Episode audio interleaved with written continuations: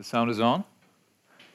So let's begin. I'm very happy to have with me on stage tonight Professor Daniel Mendelsohn, who is a classic scholar, a teacher, critic, and a translator.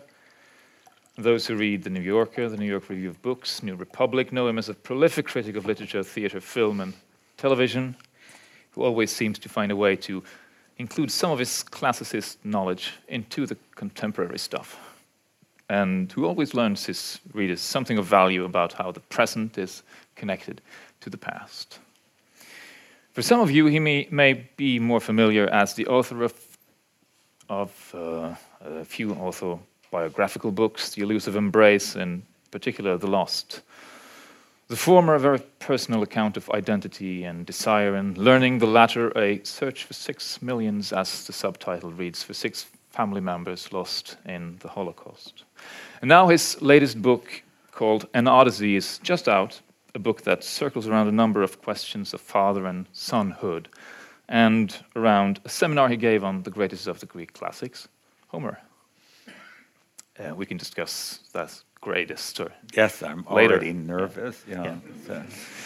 Uh, it's a book that takes us through many twists and turns to a number of places in history, in geography, and above all, in your own life, Professor Mendelsohn.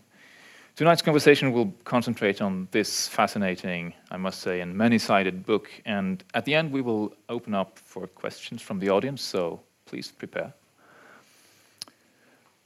Professor Mendelsohn, this is a story of reading and teaching and living the Odyssey, so to speak. So the subtitle is Father, a Son, Son, and an Epic.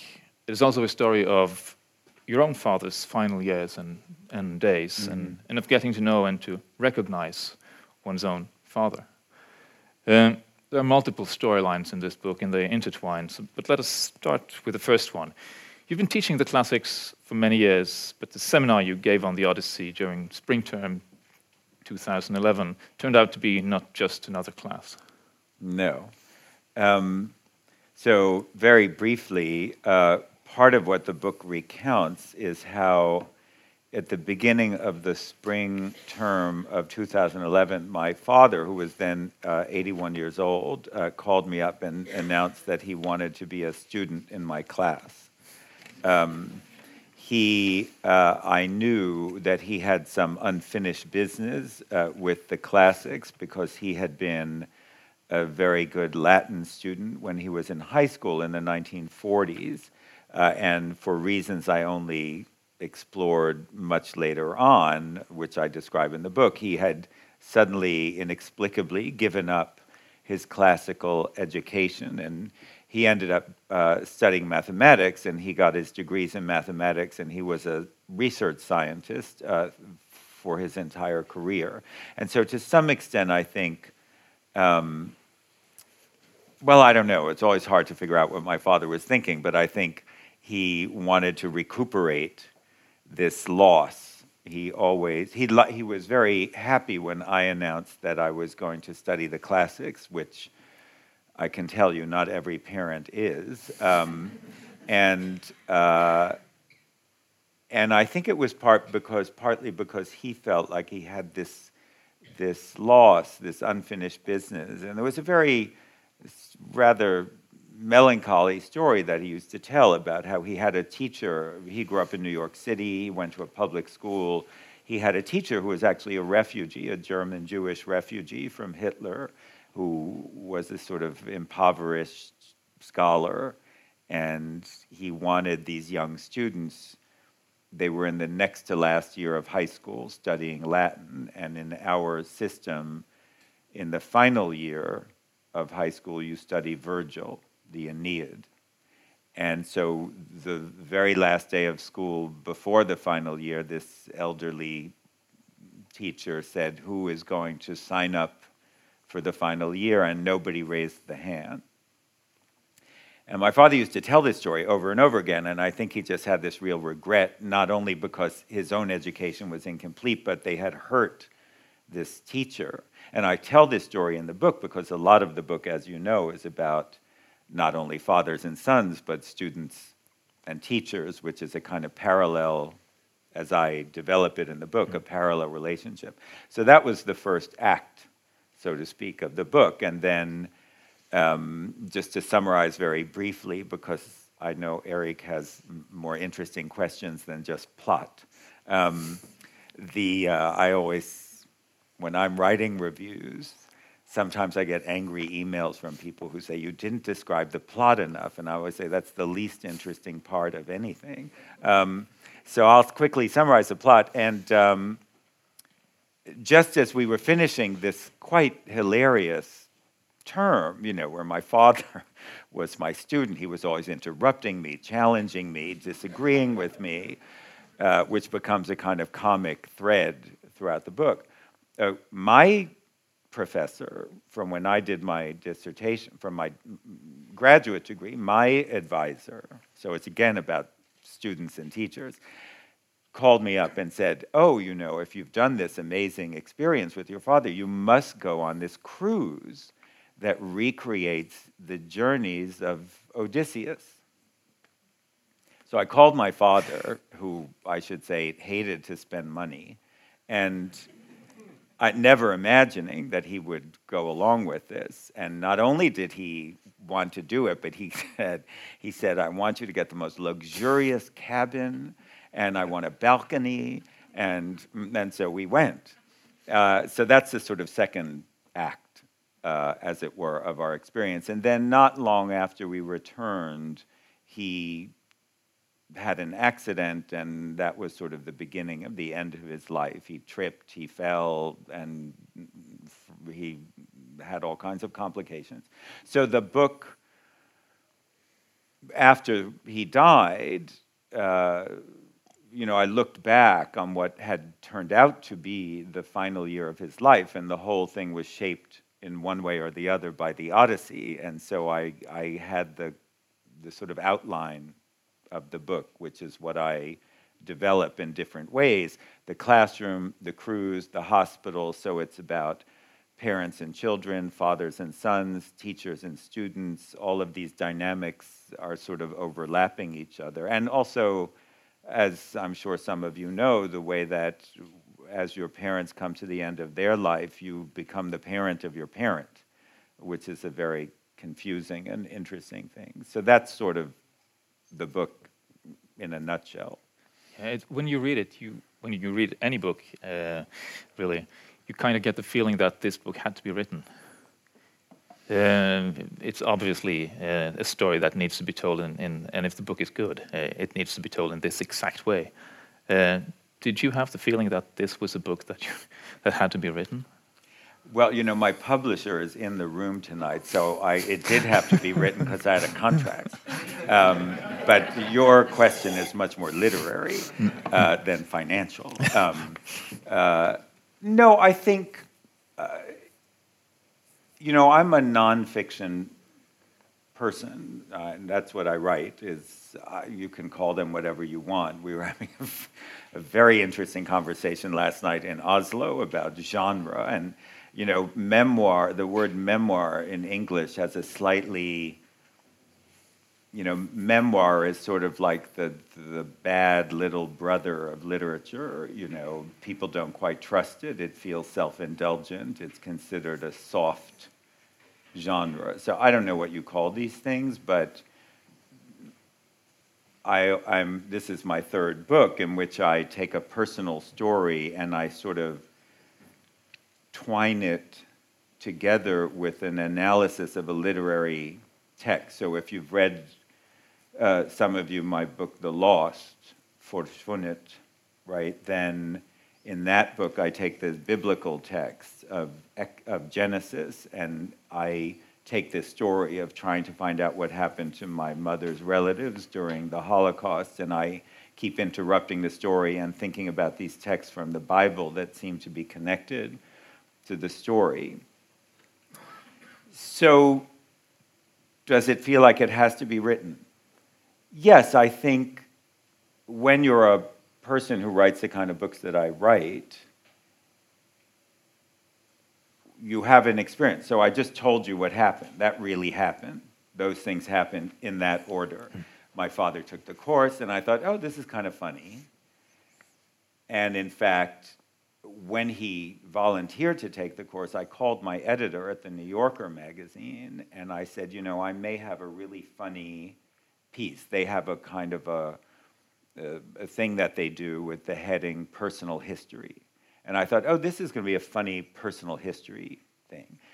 Then we went on the cruise, and so many amazing things happened when we were on the cruise that suddenly I thought, well, this is more than just a magazine article, but I didn't know what it was then. And then, of course, he was ill, and then he died, and then. So uh, when you're a writer, everything that you write feels like you had to write it, basically, because life gives you these stories, and then I would say the minute that you see it as a story, instead of just events that happened in your life. You know, we all have events that things happen. Everything that I've well, maybe not everything that I just said, but uh, you know, all of you have things that happen, and we all have lives, and things are interesting. We all have parents, so that's interesting. Um, I think when you're a writer, everything feels like you had to write it. You know, that's why you're a writer and not a scientist or a architect, I guess. You know. But reading it, it feels like you're handed this this plot for a perfect perfect situation comedy that uh, I'm thinking about the seminar. You have your father in the room. He sits slightly at the back on your left. Yes, he's always he, my father. So in our system, I don't know what it's like here, but very often the literature courses are done as seminars, and it's there's a maximum of 16 students in the class. They have to sign up. And you sit around a rectangular table and you just talk about the text. But my father decided that he was going to not sit at the table, but sit behind me and slightly to my left. And he promises at the start that and at the beginning he quiet. promised he wasn't going to say anything. because when I said, well, I said, what do you want to do? Do you want to be in the class? Do you want to participate? He said, no, no, I'm just going to sit there. I'm not going to say a word which doesn't so then last he for very took a seat, just a little chair against the wall, which, as I always say, now that I think of it, was very passive aggressive, because I had to keep turning my whole body every time he talked, and um, and yeah, there, so there was something comical about about it. Um, but it turns that here is this cantankerous. So my, just to finish this thought, my father was a scientist, he had a totally different way of reading from the way, you know, I've spent my whole life thinking about literature, criticism, literary theory, blah, blah, blah. My father was a very intelligent guy, very self taught when it came to literature. That was not his specialty. So he came at it in a completely fresh way that was not influenced. You know, we write and think about literature all the time. So you get into a kind of groove about how you think about it. You, you, you get so used to your, you get so accustomed to your own ways of thinking that you forget that there's other ways of thinking. So, for example, my father hated Odysseus. He didn't even like the Odyssey. He, because he was a kind of very rigorous, straight thinking person. And Odysseus, if you've read the Odyssey, you know he's famous for lying and making up stories and and my father just didn't approve of him. So it was, this is a kind of comic. This is, as it were, the comic part of the narrative. And then it got a little more interesting on the cruise, where it was, there were sort of funny things happen, but also very touching things that happened. And then, of course, it ends as a tragedy, you know. So I don't know. I just think that it seems like it's ready made every experience in retrospect hmm. looks inevitable, right? But while it's happening, it's just happening, right? So it's if you're a storyteller or if you're a writer, you take what happens and you make it seem like it had to happen. I guess that's the difference between writers and other people. Exactly. And uh, what he doesn't like about uh, Odysseus uh, is everything that we as literary critics likes about like about him. Yeah. You know, he's inventive. He does all sort of things to get himself the aesthetic uh, experiences that he needs. He he wants to hear the song of the sirens, so he he he makes the crew uh, put wax in their ears, and he ties himself to the mast and everything. He's he's someone who who who uh, wants to be free to enjoy things, and Yeah. and and um, and your father Jay Mendelsohn, he sort of sees through all of Odysseus's lies and Yeah. disguises. And Well, Odysseus, Odysseus is a character who, as we say, wants to have his cake and eat it too. Um, he gets away with things. I remember overhearing a conversation between my parents when I was an adolescent and a not very happy adolescent. I can't think of an adolescent who is happy, but uh, and and I was in a kind of sneaky period of my life, and I remember overhearing my parents talking in the bedroom, which was next to my room, and my father saying with great exasperation to my mother, "I don't like the way he tries to get away with things." Because that was my father was just a, had a very rigorous and even rigid ethics. Very black and white. You know whenever i start talking about my father i always i always emphasize two facts about his life which is that he was born a week before the stock market crashed in 1929 and so his whole childhood was formed by the great depression and he grew up poor uh, and his own father was often out of work. Um, and then when he wasn't, when he was an adolescent, it was World War II, and I think those two events shaped his morality. He saw things in very rigid terms. You're either a good guy or a bad guy.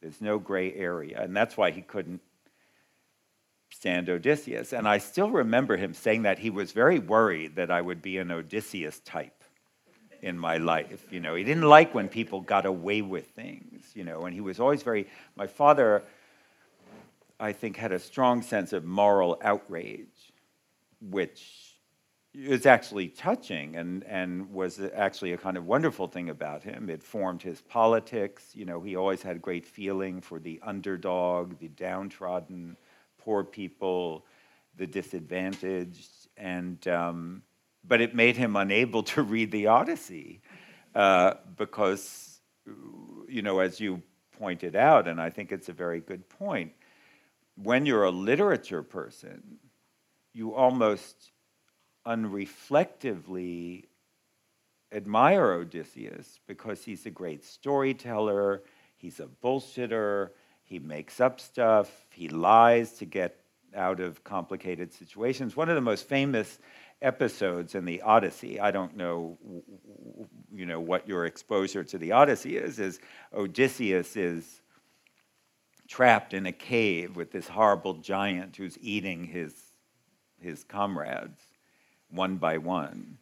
And so the, the horrible monster says to him, What's your name? And Odysseus says, Oh, my name is Nobody. And then during the course of this adventure, he engineers through his cleverness, which is another thing that he's celebrated for, he engineers a way to blind the monster. And then all the other monster neighbors come running up and saying, Is anybody hurting you? Is something wrong? And he says, Nobody is hurting me. And they say, Okay. And they go home, right? So it's one of the most famous episodes in the Odyssey. And so he uses language in a very sophisticated way, right? So we think, oh, he's so great. But my father just hated him, you know. And so this, you know, this becomes a constant theme of the book. I will say, though, that some of his object, all of his objections were good ones. One has to ask, why do we call this man a hero who lies and cheats and hurts people and leaves destruction wherever he goes? You know, it, it problematizes our notion of a, of a hero. So he wasn't so crazy after all. no, and and he got your students listening Yeah. to his side of the case. Yeah, more than to me. well, what happened was so here's the interesting thing about having your father as a student. well, there are many interesting things, but it, it makes it hard to teach because this was a seminar for first year students. So they're 17 years old, they're practically children. And it was very confusing to them to have two old men in the room. you know, usually you're the, you're the only old person in the room when you teach. And I thought it, I, I would consider it to be a fruitful problem. It was a very creative problem because I think, although at the time it was sometimes really annoying to be challenged constantly, starting on the first day of class, because I was five minutes into my introductory lecture, and my father raised his hand and said, I don't think he's a hero at all. I don't think he's so great, you know. So I had to deal with that. Um, but it emboldened the students in the class to be more independent minded and to think for themselves. So ultimately, I think his cantankerous presence had a very good pedagogical effect. And I always think of that class. It was a very special group of students. I'm still in touch with them, you know, six years later, and they were very bold with their interpretations and their theories. And I don't think they would have been if this guy hadn't always been ang- arguing with me, you know. So I think it was actually productive, even though at the time it was really frustrating. yeah, but having two authorities in the room can be good. It opens up space for reflection. But but but then uh, then you have at the beginning of the book sort of those two authorities in the room, one identifying with Odysseus and one identifying perhaps more with another Homeric hero, Achilles. Uh, one of your father's lines is, "I was in the war. I used to know these things." Right.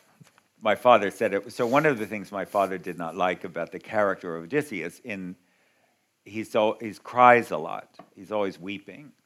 At the beginning of the poem, he's he was away at the war for ten years, and then one of the gods prevents him from coming home for another ten years. He's imprisoned by this beautiful goddess who's in love with him, and she doesn't want to let him return to his own wife, who's been waiting. And when we first see him, he's sitting on the seashore weeping. He wants to go home so badly. My, my father said, I was in the army. Nobody cried. You know. um, so, so to, I think your point is a very interesting one. The hero whom my father admired. So after we took the course and then we went on the cruise, he called me that autumn. This was right before he had his accident. He said, "You know, I went after I got home. I read the Iliad, which is a war poem the Odyssey, one could say, is a post war poem. And one could also say it's about how you have to re reevaluate your values as a warrior once the war is over. You have to learn how to be a peacetime hero, and what does that mean, right? So my father read the Iliad, which he hadn't read since 1944, and he said, "I'd love the Iliad."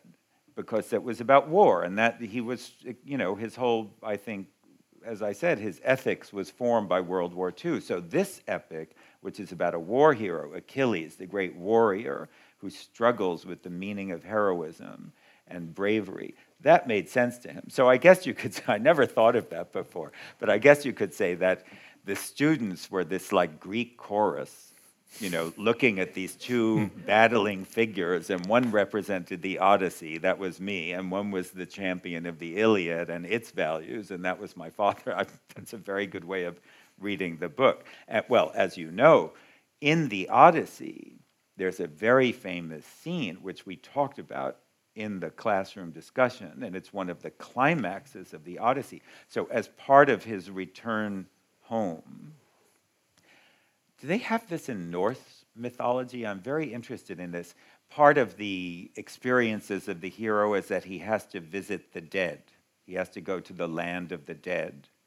And this happens to Odysseus, the hero of the Odyssey. At one point, he has, he's told that there's a dead prophet who has special information that he has to know before he comes home. Help has, as it were, he has directions about how to get home.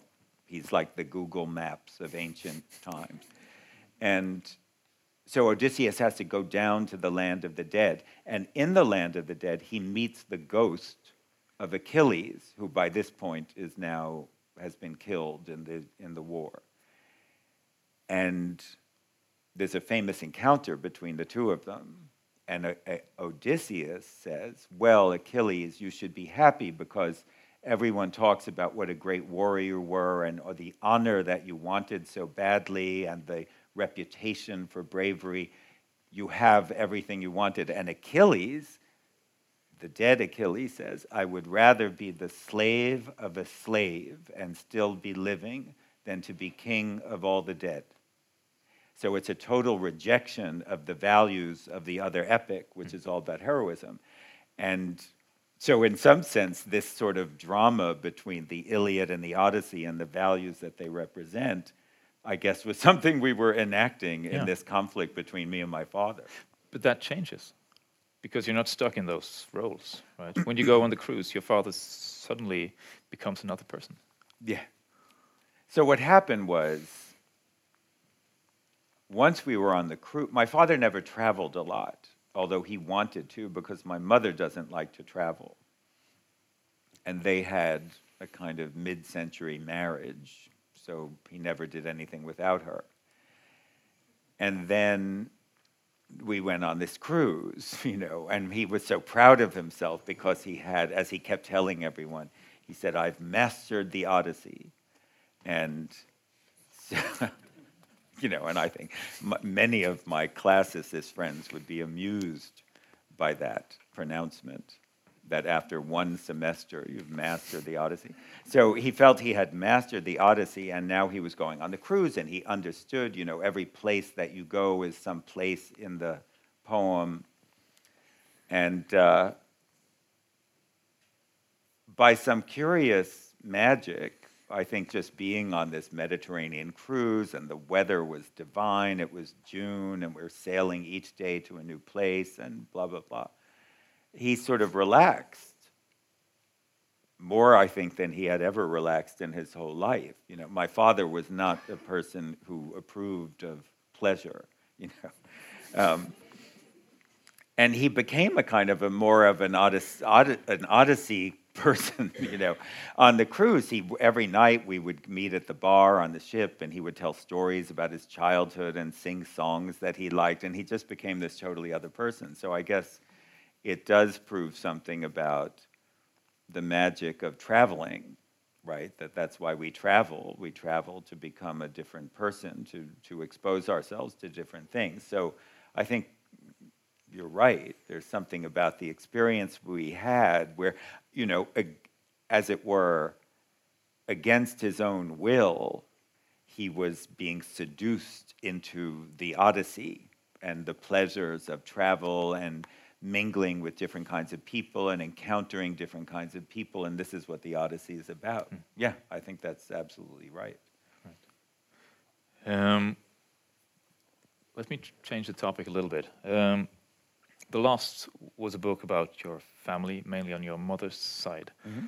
uh, her aunts and her uh, your family lost in the Holocaust. But this book circles around the person who is perhaps the least visible of all family members mm-hmm. in your previous books. Uh, your father seems seems to to always hide in the background in, yeah. in your two other books, and and, and this sort of seems like it was necessary to write this book. Well, that's true, actually. Um, my father was a very recessive personality to some extent. He he was very modest unlike my mother, he didn't like to talk about himself. Um, my mother and her family are very garrulous. They're all good storytellers. They're rather self dramatizing. It's good DNA to have if you're a writer. Um, and I think part of my father was very quiet, studious, intellectual, not a particularly good storyteller. Uh, I think that's part of what attracted him to my mother when they were first dating in 1948. Um, and so he was a kind of recessive character. You know, people who knew my family when we were growing up had a hundred stories about my mother because she was always telling her own stories, you know, and she was a kind of glamorous and attractive figure. And so I guess part of the work of this book is to heroize my father.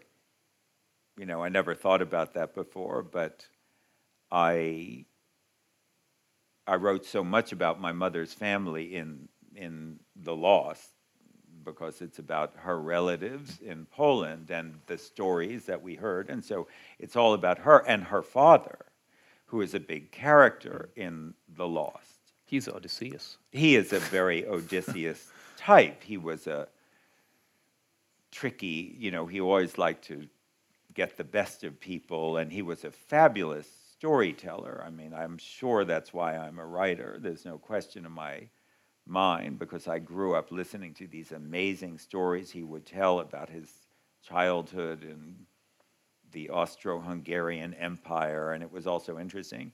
And my father doesn't really appear very much in that book, except every now and then he's complaining about my mother's relatives, you know, and how self dramatizing they are. Um, so I guess unconsciously, I'd never really thought of this before, that I felt that because whether you admit it or not, one is formed equally by both parents. And I think that this was a kind of homage to the, I think, the really wonderful qualities of my father. You know, everything I've said about him are things that I admire his intellectual rigor, his moral sense, um, which my mother's father, as attractive as he was, didn't really have. And if, as you know, because you've read the book, there was a moment in the class discussion where I'm describing a particular conversation where we were arguing in the classroom about the character of Odysseus. Is he a hero? Is he not a hero? And my father was, you know, he was on a tirade.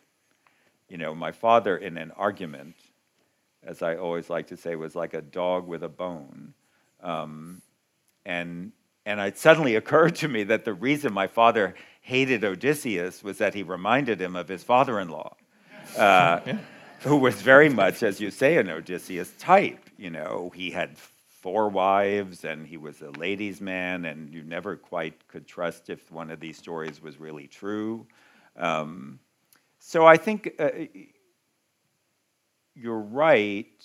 This book is a kind of well, it's what you do for the dead. You make a monument for them. And in fact, in the book, I talk about the Greek idea of how you should honor the dead and that you build a monument. And I guess this is a monument to my father, whose virtues were quieter and less self advertising, but they were still virtues. And as a reader of your book, you, it, uh, you obviously at the end, for me at least, I, I, I, side with your father and the students. I start asking his questions. Yeah. Yeah. I start asking, you know, well, is he a hero? Is this the way you should read this book? Um, so, so it's sort of the monument uh, works.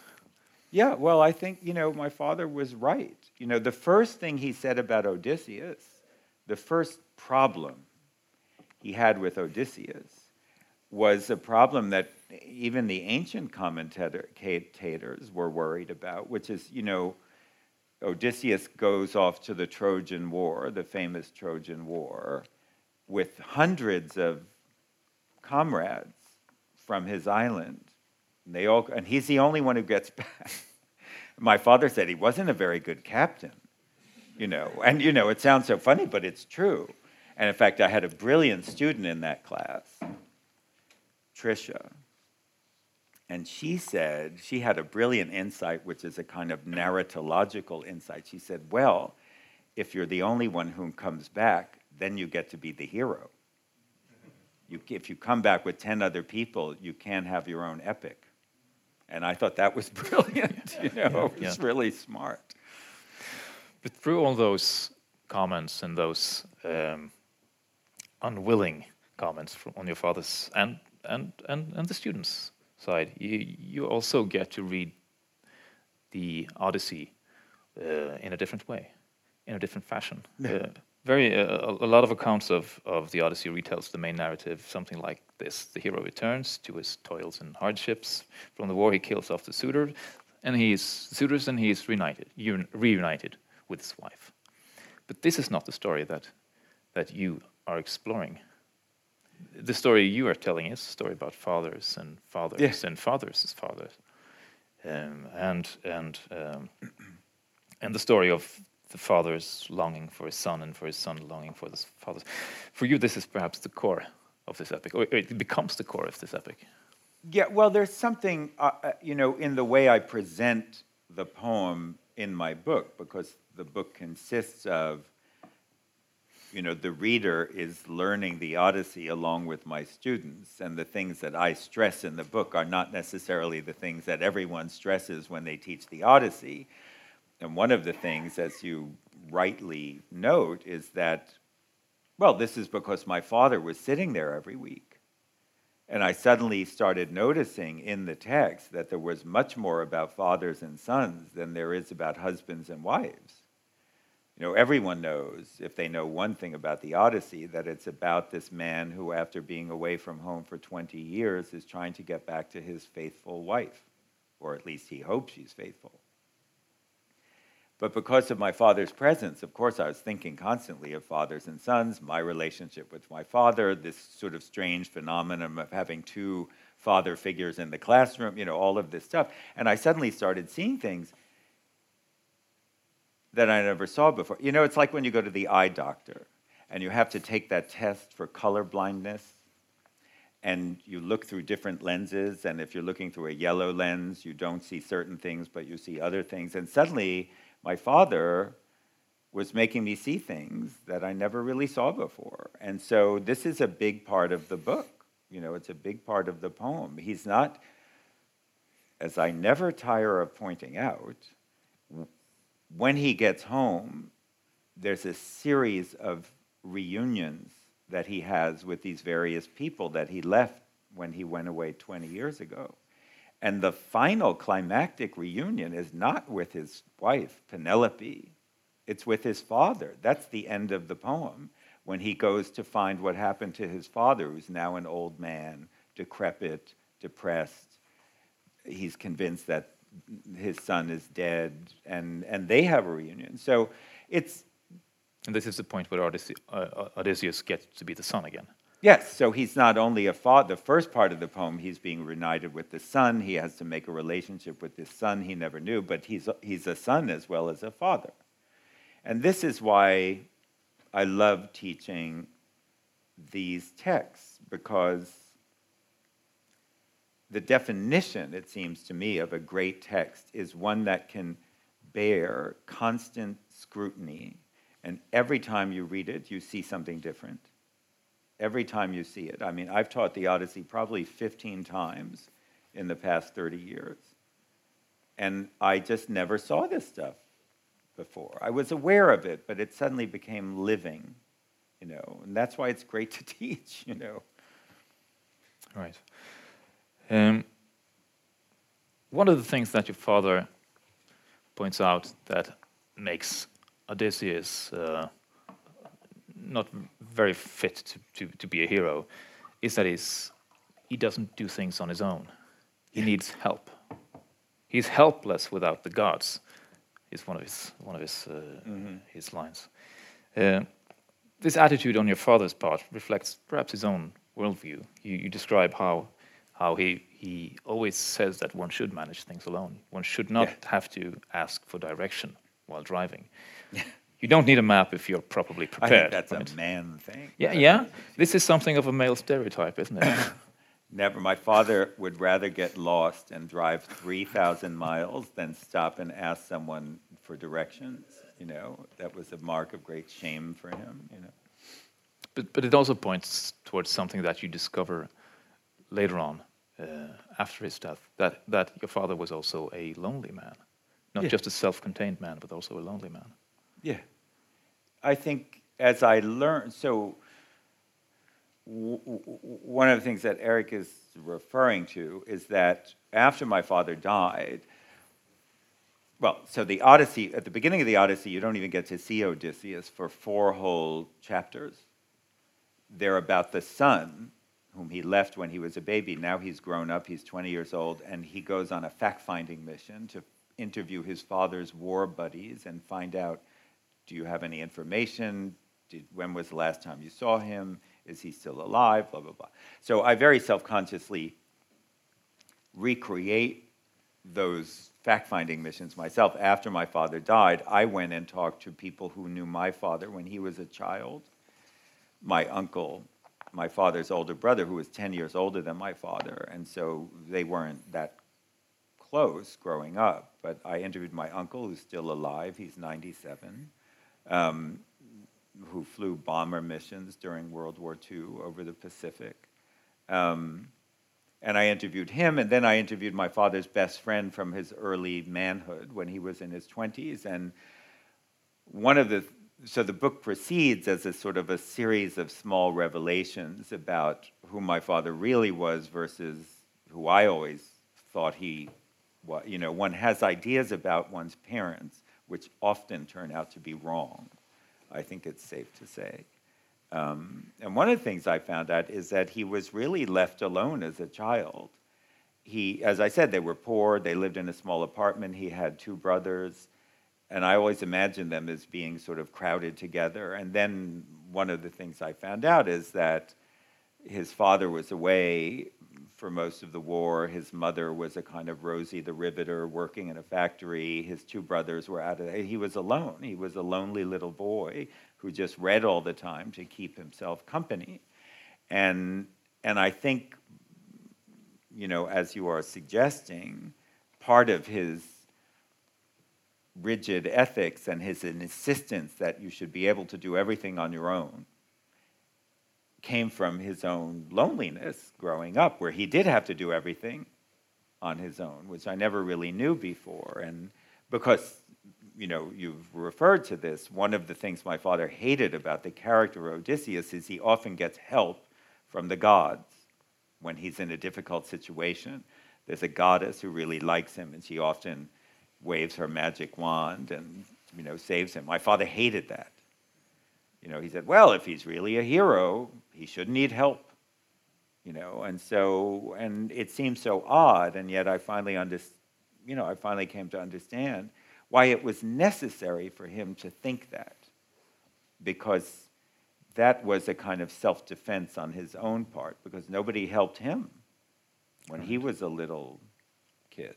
That revelation is also a recognition because you, you, you realize that he's not just this hard headed mathematician that you have to be afraid of, he's also a reader, like you. Yeah, well, that's what saved him. I mean, my father was this in many ways a self-made person. I mean, he educated himself. He joined the army when he was 17 years old because there was a government program that would pay for a college education if you joined, volunteered for the army, and so for him, every, the education was everything. It's what raised him from the lower class to the middle class and I think that's also, you know, as you know, that's why he pushed us so hard, very hard, to become educated, to have graduate degree. You know, that was a big thing for him. And now you're a classicist and a professor, and uh, we are getting towards the end. But I have to ask a few questions about composition because that's what mm-hmm. scholars do. Um, uh, reading this book is like, as you've, you, pointed out, a little bit like reading the epic itself. Uh, not that it's written in hexameter, but it's composed much like the Odyssey. It's it's a series of circular stories and bits of stories, stories that spin off one another, delaying delaying the main plot and, and stopping to dwell on details and parts of stories. It's it's it's well wrought, you could say, uh, and it's pretty controlled it's pretty uh, well composed, and you keep giving the reader hints of what you will do in order in, in what order things will happen. One thing that struck me while I read it, because there's so much personal and emotional content in here, perhaps it has to be so tightly composed and controlled, sort of. Well, yeah, I mean, as so as some of you know, I'm also a literary critic, and I, you know, I'm like a beast with two heads and so it's sometimes I'm always thinking about structure. Structure is very important to me. Well, I got it from my father. Um, you know, I'm all in my own criticism. I'm always going on about the necessity for a rigorous structure, a structure that makes sense. And you know, one could say, uh, uh, certainly, I've written about memoirs and about the whole genre of contemporary memoir, and a kind of memoir that I don't like is just when you're pouring out your guts and you know saying telling all your emotions and just expecting the reader to sort of hold that in a bag and do something with it. Um, I think in the best narratives, the emotion that you have is a product of a very carefully controlled structure that arranges the events so that you will experience the emotional moment in a meaningful way, not just because there's a lot of emotion, but because it has a shape. And so I think about structure a lot, as you've mentioned. In the book, I very self consciously am replicating a kind of convoluted structure that is typical of the Odyssey. The Odyssey does not tell its story in a, straight, in a straightforward way, to say the least. And in fact, classicists are always making charts trying to you know, chart how it begins. You know, it starts in the middle, then it flashes back to the beginning, then it tells you something about the end, and it's very carefully controlled and very deliberate, but it's not A to Z at all. It starts at M, remembers A, predicts Z, and ends on U, you know, basically. And so, yeah, I think about this a lot. I think it's more interesting for the reader that's why I sort of keep planting these flags, alerting the, you know, I keep, at the beginning of the book, I describe in great detail precisely what I just told you, how Homer tells a story, which is in sort of circles going back and forth, because obviously I want the reader to appreciate that I'm doing the same thing, and they have to have a little patience, but it's going to pay off, I hope, right? So. Well, your students say at, at one point that they point out that, that oh, it starts out so slowly the Odyssey, the, the, half, the first half is is twice as long as the second half, which mathematically mathematically don't make sense. But but you know, my father would not have approved. no, that, no. Yeah. But but also reading your book, you tend, kind of gets that feeling that the second half speed really picks up. Well, yes, I'm doing that. So one of my students observed that the Odyssey consists of 24 books. I think you call them songs, mm. right? Um, and the first half, the first 12 books, feel like they take much longer, even though it's 12, right? It's 12 and 12. But they feel because they have to provide all the back history, they have to give you everything that happened. And then the second half, all my students have been saying this every time I teach it since 1989. The second half goes by very fast because the second half is the half that does go from A to Z. He gets home, he plots to kill all these men who are trying to marry his wife, blah, blah, blah, blah, and it's like boom, boom, boom, boom, boom, and then it's over. It's the first half, series of payoffs. It's a series of payoffs, but, and here's where I come back to the point I was just making. They're no, they never feel like payoffs unless you've developed the structure so that when they happen, you're like, aha. But that aha is the product of the first half, which has to keep giving you the history, the reasons, all of that. So I do that in my own book. In my book, the dis- as it were, which follows the course, the class, the discussion of books 1 through 12 takes up the first like 220 pages, and then there's only 80 pages left because at that point you just go sailing right to the end, mm-hmm. right? So I'm very interested in my own book in sort of replicating the feel of the Odyssey and and one experiences that. Well, it's like it's, it's like it's like it's not reading the Odyssey, but it's it it replicates the feeling of reading the Odyssey. Well, because the word look, think of the word Odyssey, right? I'm I don't know if you say this in Norwegian, but in English, right? You say, "Oh, you know, I, they, it was such an odyssey," right? We use this word all the time, precisely to mean a journey, but not just any journey, it's a journey that has events and complications, and it's when you finally get home, it's like, phew, that was an odyssey. So, but that's also what a narrative is, right? That's a plot. That's what a plot should feel like. And so these things are always mirroring each other the, the, the travel and the, the story, right? They do. It's interesting to think about that. We have reached that point where we promise to open the floor to questions.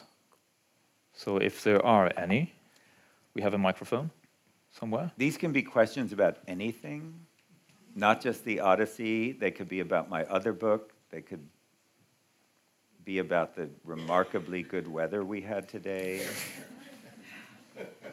anything you like. Which I'm told is very typical of Bergen. Uh, I have a strange question because um, the only place I've seen the Odyssey is in Oh Brother Where Art Thou, that movie. Uh-huh. Uh, what can you say something about your relationship with that movie as an Odyssey expert? Yeah, it's a great question. I mean, and it's funny, you know, to bring it up because one of the things I'm very interested in as a critic and that I write about often is popular adaptations of classical myths and texts. And that was a great example. I love that movie. That's a Coen Brothers movie, which takes the Odyssey and very loosely adapts it. Um, but it's also about storytelling and songs, which are a big part of the Odyssey. There's a there's a, a, sequence in the Odyssey where Odysseus himself finally narrates everything that's happened to him, and this is punctuated by a professional singer who keeps singing different songs. And so the Odyssey is very interested in songs as a means of storytelling. And as you know from the movie, there's a constant motif of them singing on the radio, this, you know, these escaped convicts. So I think I'm always very interested in these adaptations. I so did anyone here see that Brad Pitt movie called Troy? Okay. You did a great review of that. It was like shooting fish in a barrel, you know. Um, uh, the reason I bring it up because I think, in a funny way, "Oh brother, where art thou?" is a better adaptation of the classics than Troy, which spent $400 million getting all the Greek armor correct and, and was just dead as a story, right? And I think sometimes, in order to adapt the classics and make them true, you have to get very far away from being literal and think about the spirit of the original. I'm very interested in this question of adaptation, you know. Um, and so I love that movie, and I actually show it when I teach this Odyssey seminar. I have a whole parallel film festival of Odyssey in popular culture, including the immortal 1950s movie with Kirk Douglas as Odysseus, which is a real stinker. Um, and so I, I, think it's a very good thing to think about, you know, that sometimes if you, because people are always going back to, well, you guys are the victims now, because now we have the Thor movies, you know, so we classicists can take a little break for the next 10 years because it's going to be all about Norse mythology. But it's very interesting to see that sometimes you get to a better adaptation by not being literal minded. And I thought that movie, the one you mentioned, was a great example of that.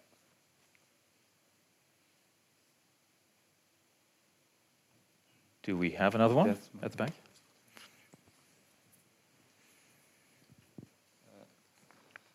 I have a question about uh, your autobiographical book, The, the, uh, the Elusive Embrace, mm -hmm. or an elusive. Um, uh, your views on uh, telling uh, your own story. Did you use that in that book as well? Uh, there's a lot of emotions there and so on, and and uh, how did you structure that uh, compared to your ideals today in the last? Well, I, I, that's a great question, and in fact, I think that book is very it fits very well with my subsequent. So this was a book in which I talk. Uh, this is a book I started writing uh, more than 20 years ago in the mid 1990s, and I was trying to work out what I then saw as a kind of an interesting conflict, which is I'm gay, and yet I became involved in parenting the children of a friend of mine, and You know, at that time, this was a much rarer thing than it is now, I'm glad to say. Um, and that was the first autobiographical book in which I started entwining these reflections on classical texts, because that was when I first did it. And I started to pause. And so I tell this story about my own life as a gay man living in New York, and then this friend, and she asked me to be the father of her children, and blah, blah, blah.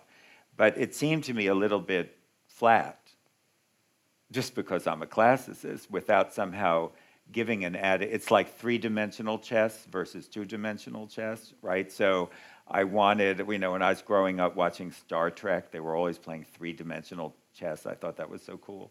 Um, and so I thought by interrupting this narrative and thinking about some Greek texts about parents and children and desire and sexuality, it would enhance my narrative. But I also think, because I think I know where your question is pointed, that I embrace this kind of structure, which I've done in every book since, to mix the personal narrative with a series of literary reflections, as a barrier against just gratuitous emoting, if you see what I mean.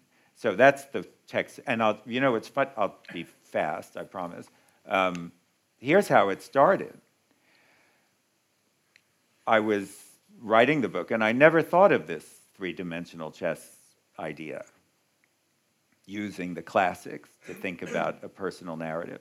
And I was writing this part, and I was talking about gay culture in the 90s and nightclubs and gay bars, and my friends would always, you know, sit around talking at brunch, why don't I have a boyfriend?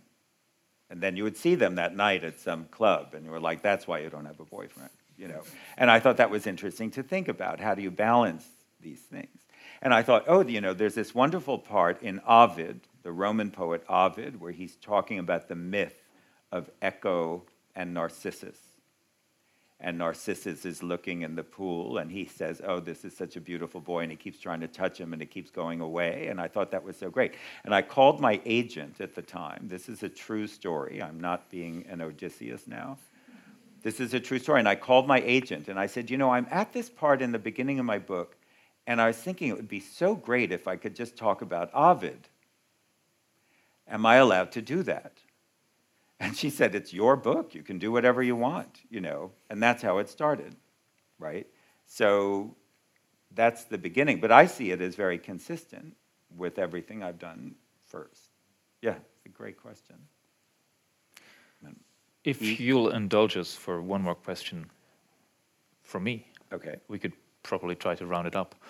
Um, on your cruise, you don't really get to return. You don't really get to the end. Right. So what happened was the cruise starts in Troy, which is now a ruin in Turkey, and it's supposed to end in Ithaca, the way that Odysseus did, right? He finally gets home to his island, Ithaca, which is the most famous destination in world literature. And because of a series of things that happened at the time, this was the summer of 2011, and there was a general strike in Greece to protest the economic problems. And so they shut down the Corinth Canal. Well, I don't have to explain to you about ships and sailing. So we had to get back to Athens by a certain date because we all had planes going back to New York, everyone on the cruise. So they cut they shut the canal, which means to get back to Athens you have to go around the whole country, the whole peninsula of Greece which meant we had to cut out the final stop, so we never got to Ithaca, which I thought was great. It was so literary, you know, the idea of a destination that's always receding that you never got to. And I thought, so everyone on the cruise was hysterical. They were like, Ithaca, we're not getting to Ithaca. And I just loved it. I thought it was perfect. And in fact, so there's a modern Greek poet whom I've done a translation of, Cavafy, who has a very famous poem called Ithaca, which is about this whole question of never wanting to delay one's arrival because the voyage is always more beautiful than the arrival. And so the captain of the ship knew I had done this translation. And so he said, We now have an entire day where we're sailing, trying to get back to Athens. Instead of going to the real Ithaca, can you give a lecture about the poem called Ithaca? And that will be our Ithaca. So I thought it was a very nice way to end the cruise.